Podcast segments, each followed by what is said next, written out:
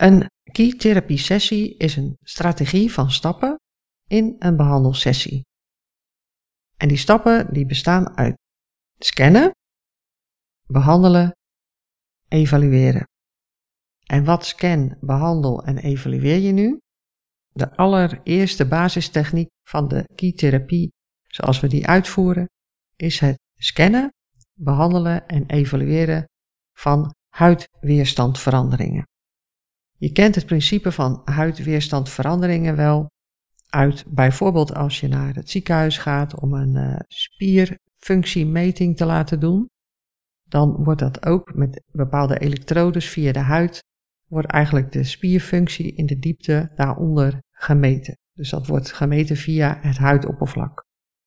En in bijvoorbeeld acupunctuur is ook bekend dat op de plaatsen waar een onbalans of een uh, verandering in de, in de energiedoorgifte, en je zou dat ook faciale informatieflow kunnen noemen, als daar onder uh, het huidoppervlak een bepaalde wijziging of een, het kan een overactiviteit of een onderactiviteit zijn, als die toestand van het weefsel daaronder, onder de huid, op die plaats veranderd is, dan zal de huidweerstand, dat is de elektrische lading, elektrische informatieflow die in het huidoppervlak meetbaar is, die zal veranderen.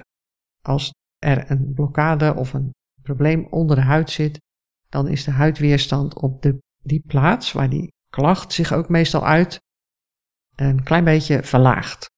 Nou, dat principe klinkt misschien wat abstract, maar denk maar even aan je smartwatch die je om hebt.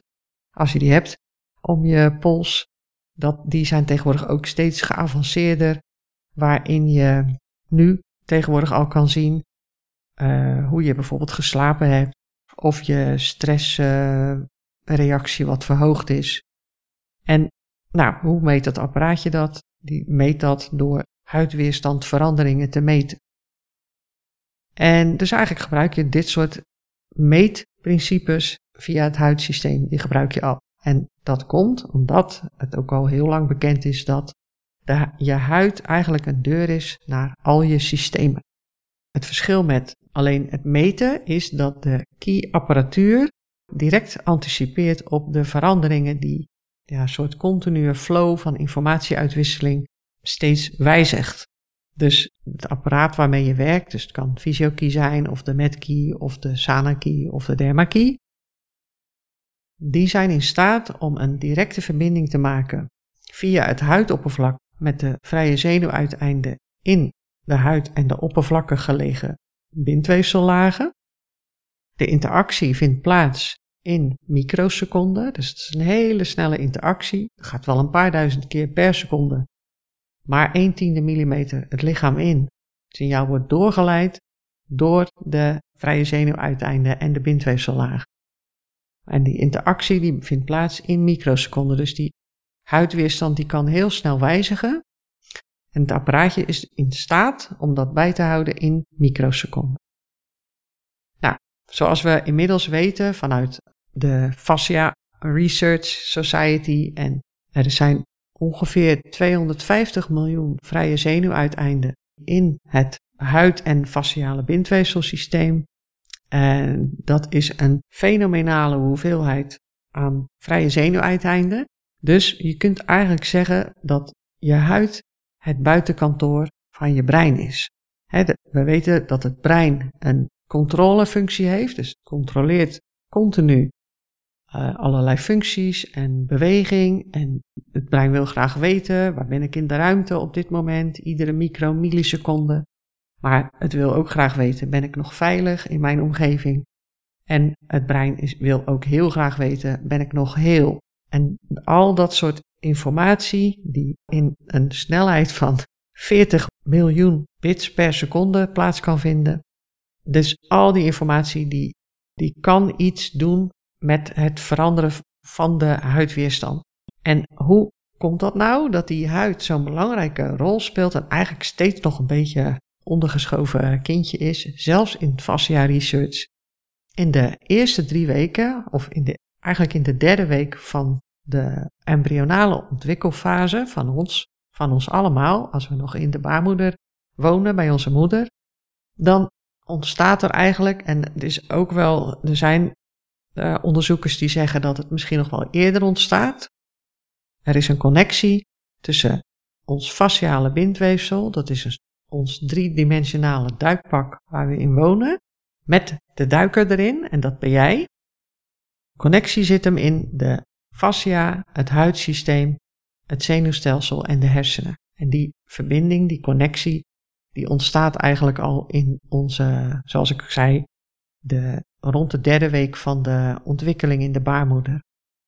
Dus die huid heeft heel veel informatie over hoe gaat het met mij hieronder in zich. Ik zie het wel eens als het communicatienetwerk van ons lichaam. Dus de huid, bindweefsel, zenuwstelsel, hersenen. Het is één samenwerkend, functionerend systeem.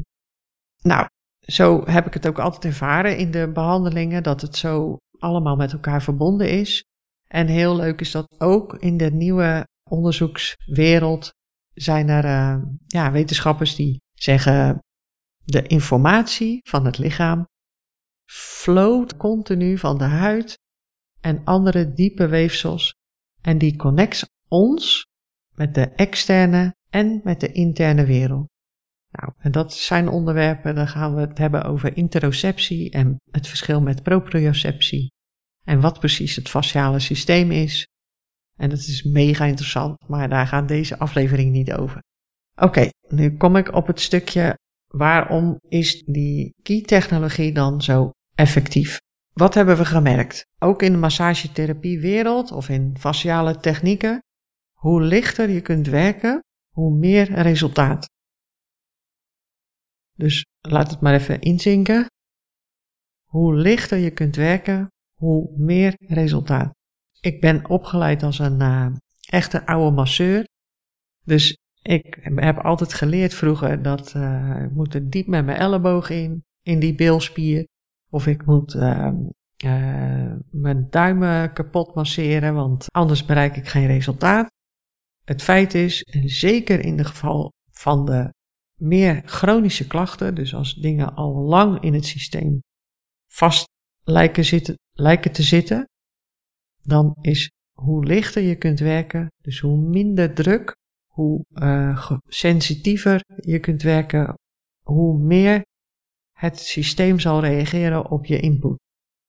Het bindweefsel en het zenuwstelsel, daar zitten de meeste klachten in. Dus mensen, we denken vaak dat, oh, ik heb spierpijn, maar je hebt geen spierpijn, het is bindweefselpijn. En dan in dat bindweefsel, daarin zitten al die vrije zenuwuiteinden. En die zijn dus al vanaf het allereerste moment van onze ontwikkeling. Ons, ja, communicatiemechanisme.